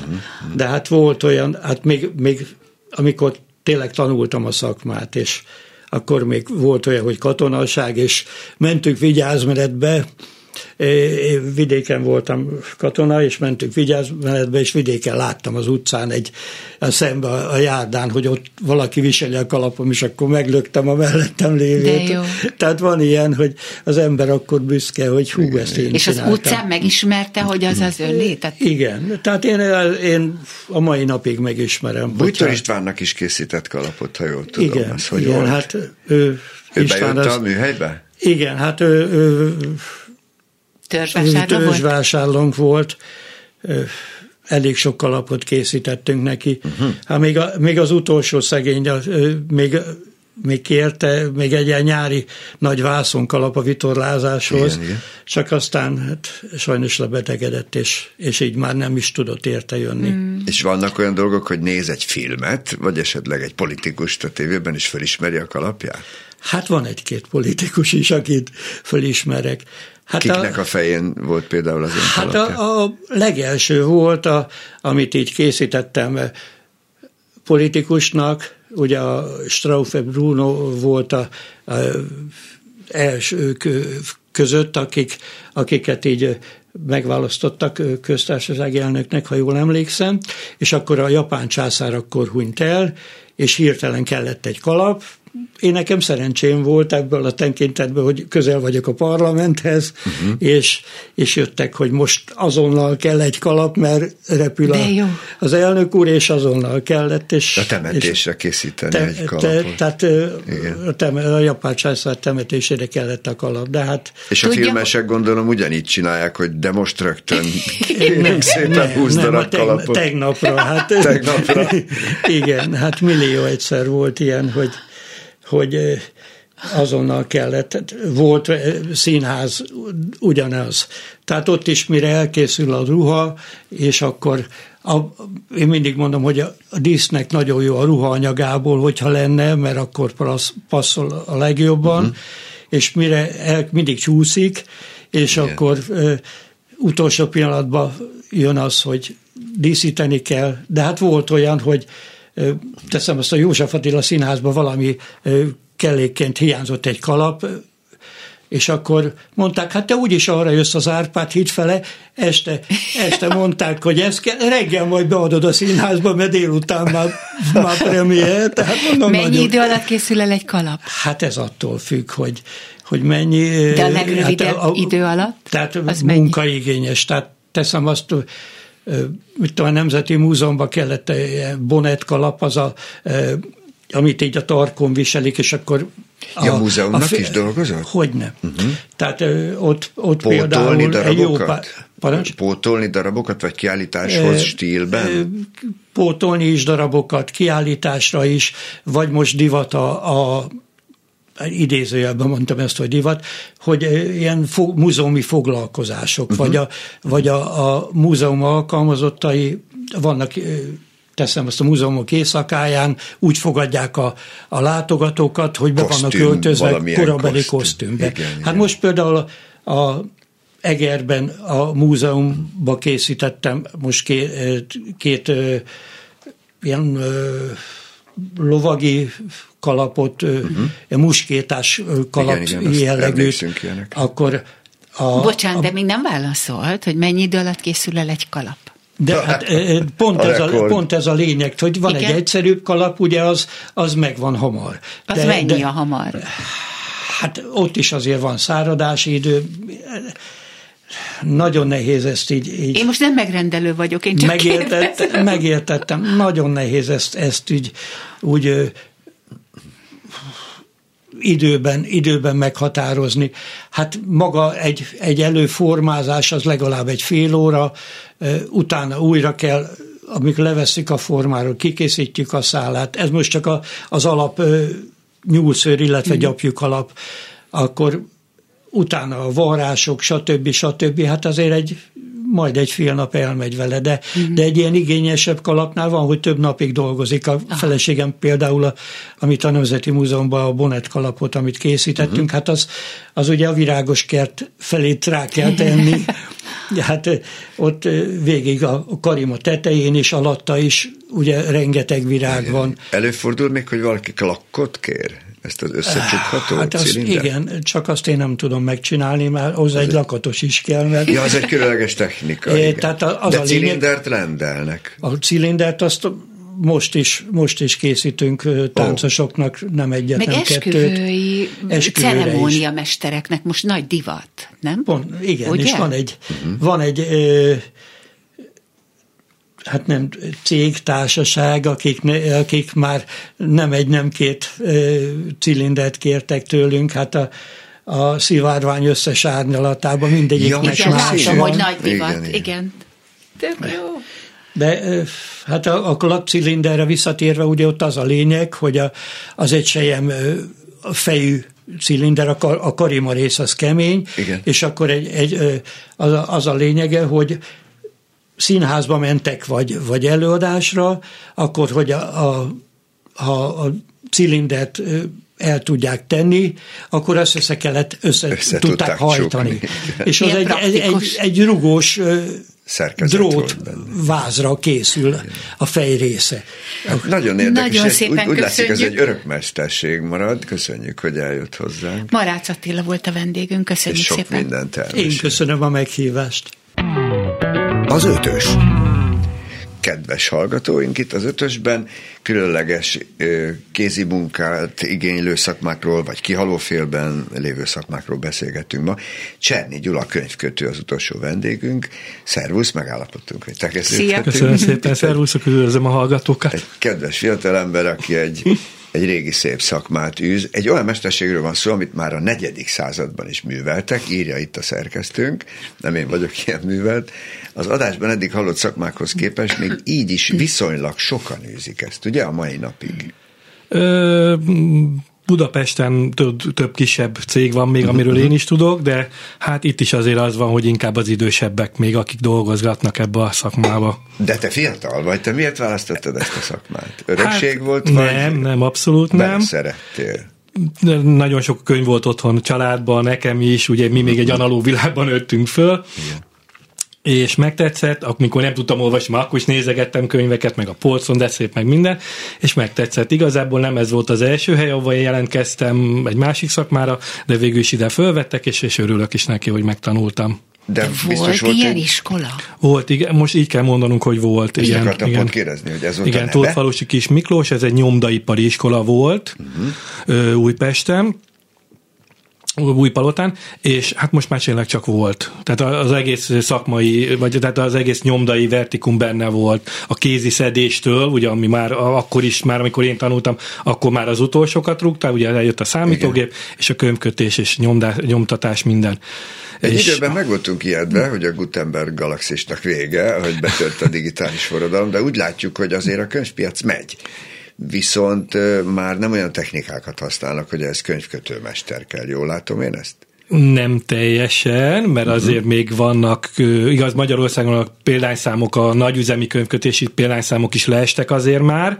Én dolgoztam nagyüzembe is, azért a 80-as évektől fele azért ez kicsit kevesebb lett. Most az új az, hogy digitálisan ki tudnak nyomtatni egyet, ötöt, tizet, százat, és azt is be kell kötni értelemszerűen, akár egy kis puhaborítóba, akár egy szép igényesebb kemény táblás kötésbe, aranyozottan, felirattal, stb. stb. De azt mondod, hogy megszűnt az iskola. Igen. Egyáltalán igen, nincs igen. is ilyen iskola, ilyen jellegű iskola. Én Hol lehet tudom, tanulni ezt a Vidéken szakmát? én úgy tudom, hogy van valamilyen képzés, meg legtöbbször a kis nyomdák kitanítják maguknak az embereket inkább. Uh-huh. Tehát belső képzés folyik. Így van, én amennyire én át, tudom. Átörökítés. Így van, Te így van. tanultad, volt mestered külön? Ö, Hát én az osztályfőnököm, mint ő, ő volt egy nagy név ebbe a szakmába, uh-huh. de ők is mondjuk nyugdíjba mentek már nagyon sokat. Ha mondjuk meg, hogy hívják. Tóth az az iskola az volt. Az iskola Tele volt, volt, igen. Tóth György. Aha. Ő nagy név ebbe a szakmába, de mellette még vannak tényleg olyan szakemberek, akik nagyon ügyesek, és tudnak olyat, amit már csak ők tudnak, és hát vagy az ember még megy hozzájuk megtanulni azt, az egyedi dolgot, vagy, vagy hát például én megtanultam a szakmát, és utána egyedül, hát ugye az ember saját buktatóin keresztül megtanulja a kisebb trükköket. Én is sok helyen dolgoztam, kisebb üzemben, nagyobb üzemben is, és ott az ember ugye azért jó, mert lát mindig valami újat, minden helyen más lát, más embertől más tanulhat. Tehát ebben ez tele van trükkökkel. Pont ezt akartam hogy ebben vannak titkok? Mert trükkök biztos, de hogy hát titkok vannak, vannak igen, persze minden szakmának vannak kis okosságai. Ö, alapvetően van egy alapeljárás, ugye, hogy, hogy a lapokat, az íveket, hogy kell összefűzni, megragasztani. Vannak olyan eljárások, amit már én sem használtam, amióta megtanultam, mert nagyon bonyolult. Ezáltal a maszek világban nem is fizetnék meg, ha én ezt valakinek így csinálnék egy könyvet. Nem éri meg. Nem éri meg úgy megcsinálni, de ö, vannak, vannak dolgok, amik ö, örökérvényűek ebbe a dologba. Tehát, Volt hogy... olyan, amiért te elmentél meglesni valaki, ez egy mesterhez? Igen, volt, volt. Igen, Tehát volt. a suliban megtanultunk valamit, igen, igen. és akkor elmentem egy maszekhoz az első munkahelyemre, és sokkal egyszerűbben, sokkal hatékonyabban megmutattam. Mert ugye az iskola az egy technika, tehát hogy megmutatják ezt a technikát, de a maszek meg pénzért dolgozik, tehát ő sokkal kiforrottabban, hatékonyabban csinálja ezt. És más a gyakorlat. Igen. Más a gyakorlat, és milyen van. könyveket kötsz be? Tehát mire, mire van szükség ma?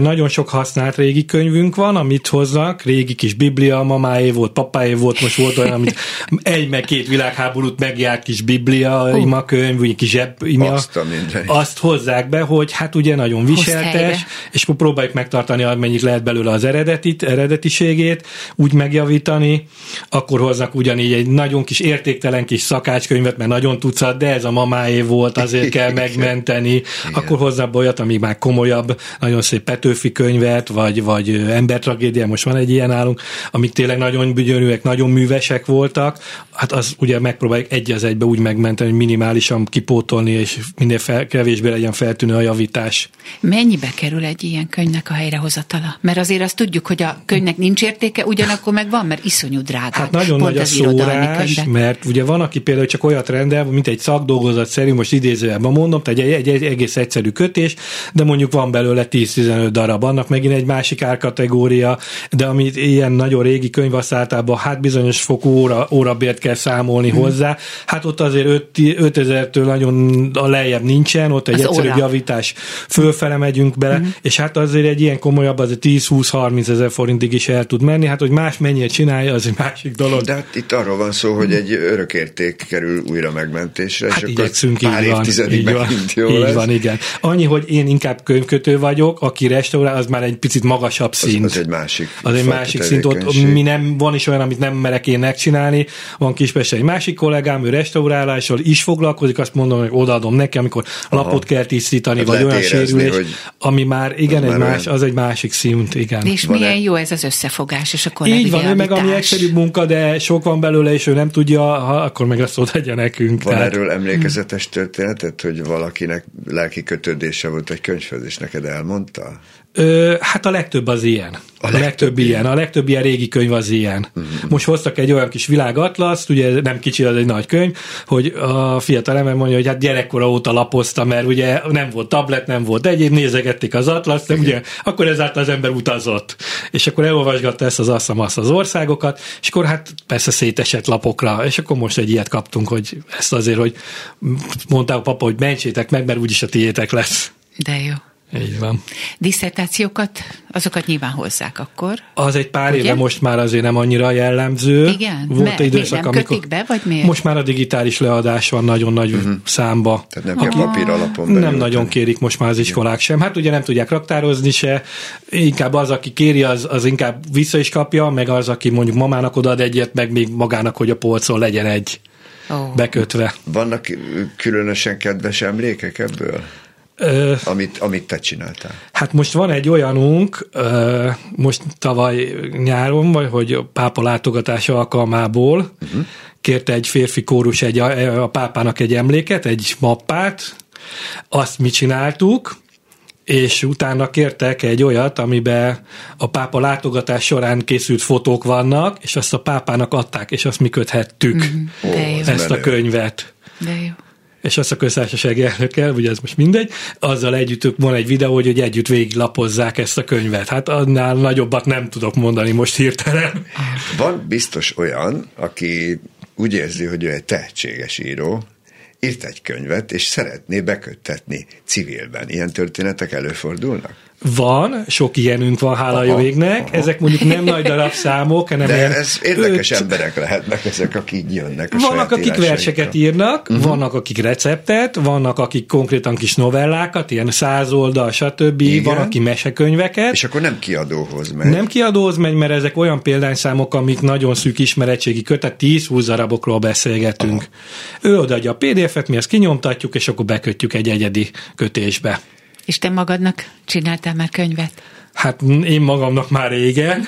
Volt egy autós újság, amit gyűjtöttem, azt bekötöttük, a nejem a saját magának a ö, ilyen szakácsos újságokat gyűjtötte, bekötöttük. Mm. Hát amikor elkezdtem a szakmát, akkor pedig a Verne könyveim voltak az elsők, amit magamnak, mint tanuló példányokat átkötögettem. Mm. De ja, akkor te azok, nem írtál azok már könyvet? régiek voltak? Bocsánat. Igen, azok használtak voltak, Aztán. akkor régiek voltak. Tehát nem, nem a szép az első, aki azt Nem én voltam, igen, és, és azok nem a szép borítósok voltak. Ja, mi a puha fedelű. Hát ilyen egyszerű, igen, és akkor azt magamnak megcsináltam, hogy valami szebb borító, és azon gyakoroltam, mert ugye szakmailag úgy volt, hogy suliba meg kell csinálni egy-kettő-három könyvet, ilyen van eljárással, és akkor mondom, itt van ez a Vernek könyve, szeretem. Ja, várjál, akkor te a puha borítósból csináltál kemény táblás igen, igen, igen, sorozatot.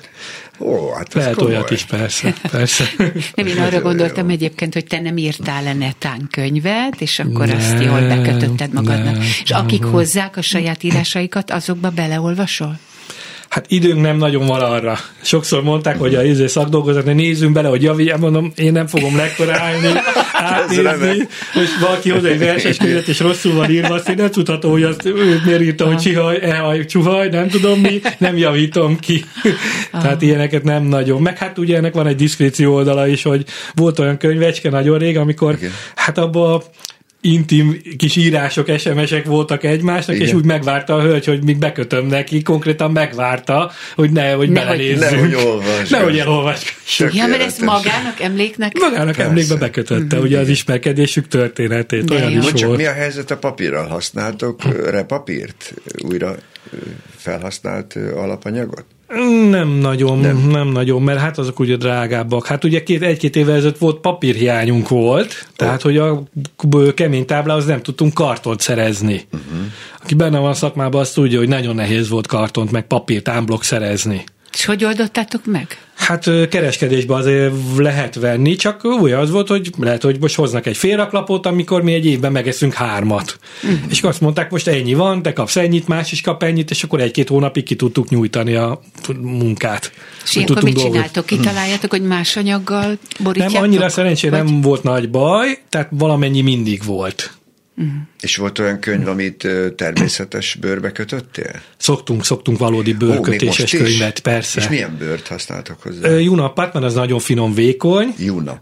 Mert azt szokták, amúgy még úgy tanították, hogy még el szokták serfelni. Ugye ez egy megint egy másik szapa, tehát hogy De elvékonyítani. tudjuk, hogy mi ez, hallgatók is kíváncsiak. Tehát az, az hogy a bőr rétegét még levékonyítani bizonyos helyeken. Tehát, hogy az a két milliméteres bőrből, vagy inkább az egyből leszedjünk még 0,3-at mondjuk. És ez a serpelés? Serfelés. Serfelés. És ez igen. egy nagyon finom, ilyen kesztyűbőrszerű. Hát az akkor vékony. már nagyon finom, igen. Vékony igen. anyag. Én nem csinálok ilyet, mert az tényleg egy másik szakma, hanem én megpróbálom a legvékonyabbat megvenni, és abból dolgozni. Mert viszont az meg olyan már, hogy serfelőt már alig talál az ember tényleg. De akkor te is fested a bőrt, vagy fested bőrrel? Azt már dolgozol? festve van, azt így gyakorlatilag konyha készen meg lehet venni a bőrt. Ja, meg lehet venni. Így van, bőrkereskedő. Színben. Megvesszük bármilyen szín, ami szimpatikus, de hát általában ugye bordó, kék, zöld, fekete, ugye alapszínek az, amit szeretnek. De akkor úgy azt gondolom, és te, hogy te is azt gondolod, hogy erre a szakmára szükség lesz még. Tehát nem egy kihaló szakma, csak különleges. Szerintem sem, viszont lehet, hogy ugye a fiatal generáció már nem nagyon olvas könyvet, kevés emberhez kerül fizikailag könyv szerintem. Tehát ö, inkább az, hogy lehet, hogy kevesebb ember elég ehhez a szakmához már talán. Aha. Én azt látom, hogy a könyvespolcok vannak, hiszen még most is nagyon sokan vásárolnak a könyvesboltokban úgynevezett modernebb könyveket. Igen. Vagy most írták őket, vagy örök klasszikusok, de most nem akarok csúnya szót használni, de a legegyszerűbb borítással. Így van, így van, a papírkarton kis És vékony az azt jelenti, hogy a könyvespolcon elkezd fogyni az igényesebb könyvgerinc. Ugye itt erről van Hát szó. igen, mert ugye most kinek mennyi ugye a büdzsé, hogy tudjon venni olyat, de hát nekünk is van, aki azt mondja, hogy ez neki sok arra a könyvre. Hát mondom, sajnos Bocsi. nekünk is ennyi munka van vele. És a feliratok arany, ezüst, bronz, ilyen mindenféle. Az még a nagyon klasszikus eljárással készült, tehát Ezt ólombetűből kiszedjük. Na, hogy van Van ez? egy nagyobb, na- nagy gyűjteményem ólombetűből, ezek nem azok a hagyományos ólombetűk, ezek kicsit keményebbek. Igen. Ezt fölfűtjük egy ilyen 120 fokig egy gépbe, Igen. egy, egy ilyen kis satúszerű állvány, belerakjuk alá a táblát, ez fejbe fejjel lefele vannak a betűk, úgymond beszorítva, berakjuk a táblát, egy aranyfóliát, ami nem arany már, meg nem ezüst valójában, berakjuk, és egy nyomással bele, beleég tulajdonképpen a szöveg. Beleég a szöveg, Beleég. 120 fokon. Így van, így van. Ugyanezt egy logóval, egy klisével, egy, ö, egy egyedileg legyártott klisé, tehát hogy van egy étteremnek egy logója, azt megcsinálják, mag- marják egy kis nyomóformával, az ugyanúgy föl van fűtve, ugyanúgy aranyat, vagy bármilyen szint, ami van fólia alá tudjuk tenni, Igen. és azzal kerül rá. De akkor ehhez komoly berendezések kellenek. Vannak, igen. Az egyik gépünk egy viszonylag Vannak, modern, egy aha. nagyon jó német gép, a másik pedig egy sokkal-sokkal régebbi ö, magyar gyártmányú, amúgy német származású gép. És ez egy hány fős üzem, ahol dolgozol? Hát mi ketten a feleségemmel dolgozunk. Ketten? Igen, igen, Ja, igen. és akkor, igen. akkor tudtatok venni egy ilyen gépet. Hát ez Igen, hát az már hír. régóta megvan. Aha. Hát ez van három-négy alapgép, egy lemezóló, amivel a karton daraboljuk, ez egy asztal, amin van egy hatalmas, nagy, egy másfél, egy, egy méteres kés, ezzel tudjuk földarabolni a könyvnek a borítóit, tehát a kemény táblát. Van egy vágógép, amivel ugye a kötek papírt meg lehet méretre vágni, van ez a két aranyozógép, a többi gyakorlatilag már kézi munka. És a feleségeddel így találkoztatok a szakma által? nyomdába, igen. Egy nyomdába? Igen. Akkor ez így. Igen, igen. Mert ma volt olyan, aki aztán megtanulta, ugye a találkozás után. De akkor ti együtt kezdtetek dolgozni. Igen, hát de a nejem is nem ebbe dolgozott, de ő is úgy tanulta meg, igen. Egyszer egy nyomdász ajtaján egy Steinbeck idézet volt, kicsit áttételesen hat, az volt kírva, jöjj délre, cimborám. Nagyon rögtem. Így mondom, de ez tényleg így van. Azt mondja, hát ö, a régi nyomdászok nem keltek föl 10 óra előtt. Hát Ma mi, is van mi egy azért ilyen- 8.30-kor nyitjuk a boltot, tehát az, az, Hát be, már az betartjuk, az betartjuk. Ugye már a pékek hajnalban keltek, a nyomdászok meg délben. Régen Hát nem igaz, én jártam azért a város túlvégére hatra, Aha. reggel hatra. Ó, a. Igen, reggel hat Ti kellett meg, meg határidő van, akkor azért... Hát nagyon három, három műszakos üzembe ott 6-tól 2-ig, és úgy sorba. Ó. Hát és most jut eszem, hogy ilyen takarítottam nyomdában.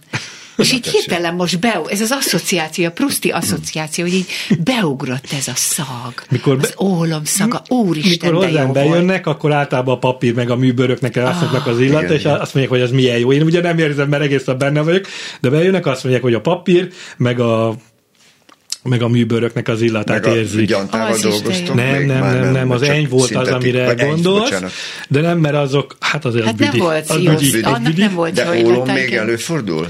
Hát az ólombetűnk Csak a azok már nem olyanok, már nem olyan ólombetűk. Ja, már nem is abból Ez van. nem százszázalék ólom, hanem azért keményebb, ugye amikor fölfűtik, az ne, ne folyjon el Ne folyjon magyarul. el. Igen. Nem tudom pontosan milyen anyag van, most a, megfognak a suliban, Ja, persze, engem nincsen, hogy nem, nem, nem tudom. De Előfordult már, hogy egy szépen bekötött könyvet odaadtál valakinek, és azt mondta, hogy ö, ugye nem nedves helyen fogja tárolni. Hogy? Egy könyvnek biztos sokat számít, hogy milyen Ja, páratartalomba igen, megy. persze, persze, persze, azért vigyázni Kiadtad kell. a kezedből, azért volt valamit nehezebb volt elengedni? Hát, Olyan jól sikerült? Volt, igen, igen, igen, igen, volt, volt. És a, a, a jobbik esetben volt, van olyan, aki még egy szakdolgozatnak is örül, pedig aztán az tényleg egy olyan egyszerű, hogy fekete műből szakdolg névész, és volt, aki odaölte magához, hogy jaj, de jó, ez végre egybe van. De jó. de volt olyan is, hogy amikor tényleg egy szép könyv, és amikor tényleg tele van aranyozva, meg felirat, meg igazi bőr, akkor, akkor azt látom, amikor örülnek neki, hát azért az, az egy élmény. Van arra technika, hogy azért a, a könyveknek, ahogy Ati is mondja, tehát ha nedves helyen vagy olyan helyen tárolják, dok valami, tehát hogy olyan szaggal visznak oda hozzád könyvet, hogy azt, azt meg lehet oldani, ki lehet szedni a papírból, vagy valahogy Hát na, arra van a restaurátor illatosítani? kollega, amikor Igen? már ilyen, on, ahhoz már nem merek, ahhoz már nem nyúlok. De gyakorlatilag akkor lehet restaurálni Bizony- magát az illatot, ki lehet szedni. Elviekben ebben nem merek százszerzékot mondani, de nagyon sok mindent ki tudnak a kollégák, aki olyan szinten van, az ki tudja javítani.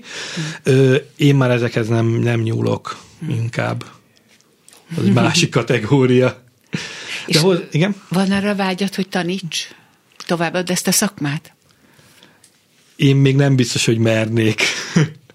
Hát bár most azért van már több mint 20-30 év. Ó, de szerény vagy. mögött. Hány év kéne még, hogy mester, mesternek hív magad? Nem. Hát a mesternek az régen úgy volt, hogy az ugye az egy nagyon komoly dolog volt, hogy valakit, mert annak ugye plakátja is volt, vagy, vagy hogy is mondjam, oklevelet is Oklevel, kaptak.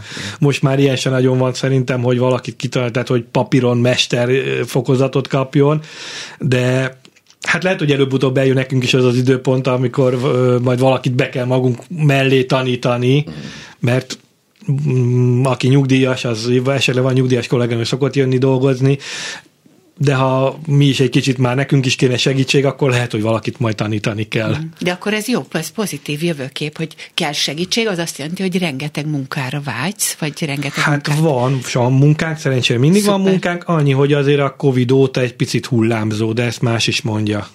Tehát Gondolom, előtte, előtte fixebb volt, hogy mondjuk Igen. tavasszal nyitnak az éttermek, Igen. kerthelységek, akkor tudtuk, hogy jön egy dömping, meg a szakdolgozat időszak, de most ugye a szakdolgozatot már nem kötjük, a tavaszi étlapok meg az olyanok, hogy most ugye az éttermek nem ott vannak, hogy nagyon-nagyon költsenek erre a részre. Előfordult már, hogy beültél egy étterembe, és boldogan vetted a kezedbe az általad elkészített étlapot? Tovább megyek, sokszor volt már olyan, hogy cseréltünk az étteremmel egy vacsorát mondjuk x darab étlapra egy Tényleg? Jaj, de persze. Mondjuk föl- fölajánlották, hogy figyelj, Te na.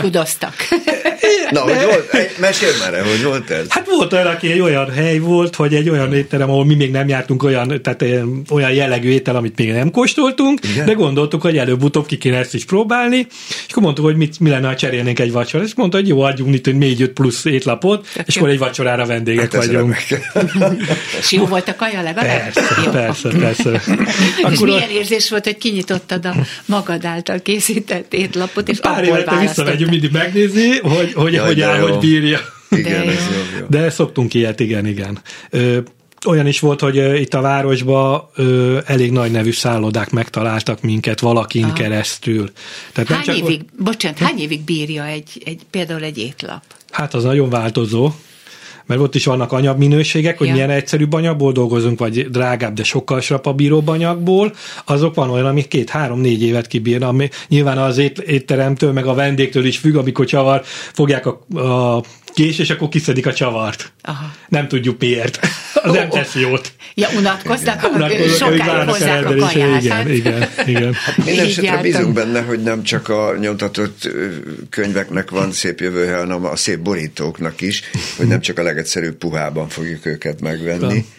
És hát kívánom, hogy ez, ez a szép szakma maradjon fönn általad is. Köszönjük szépen. Nagyon Köszönöm a köszönjük. lehetőséget. Vendégünk volt, Cserny Köszönjük. Gyula könyvkötő volt. Nagyon velünk. szépen köszöntük. Köszönjük Kedves szépen. hallgatók, a Miskolci kitelepülésünk, a Klubrádió Miskolci kitelepülése jövő hét kedden technikai okok miatt elmarad.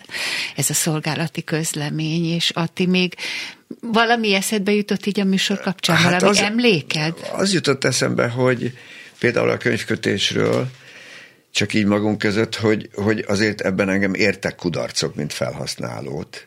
Tehát, hogy megvettem egy gyönyörű nagy Shakespeare kötetet, aranyszélű lapokkal, bőrkötésben, majd három éven belül a következő könyvhöz, ami mellette volt, oda tapadt, és levált az egész műbőr, és a betűk leperegtek, és nem volt egy olcsó kiadvány. Hát Tehát itt azért van nekünk Cserny Gyula, majd ő nagy, megcsinálja. nagy üzemben mm, mm, va- vannak néha csalódások, ugye? Hallottam. Meg hát, meg, meg hát az jut eszembe, hogy, hogy azért nekünk ehhez rengeteg élményünk kötődik, és jó lenne a következő nemzedéknek is lenne. Feleségem írt is erről egy gyönyörű kis novellát, hogy neki milyen maradandó élménye volt, amikor az édesapja előhúzta a fiókból a keféket, és cipőt pucolt azzal a jó illattal. Tehát a műsoridőnk lejárt, nem nosztalgiázni akartunk, hanem újra fénybe emelni ezeket a szép régi szakmákat. És remélem, hogy sikerült is. Úgyhogy kedves hallgatók, mindenkit ölelünk, és találkozunk egy hét múlva. Viszont hallásra. Az ötös.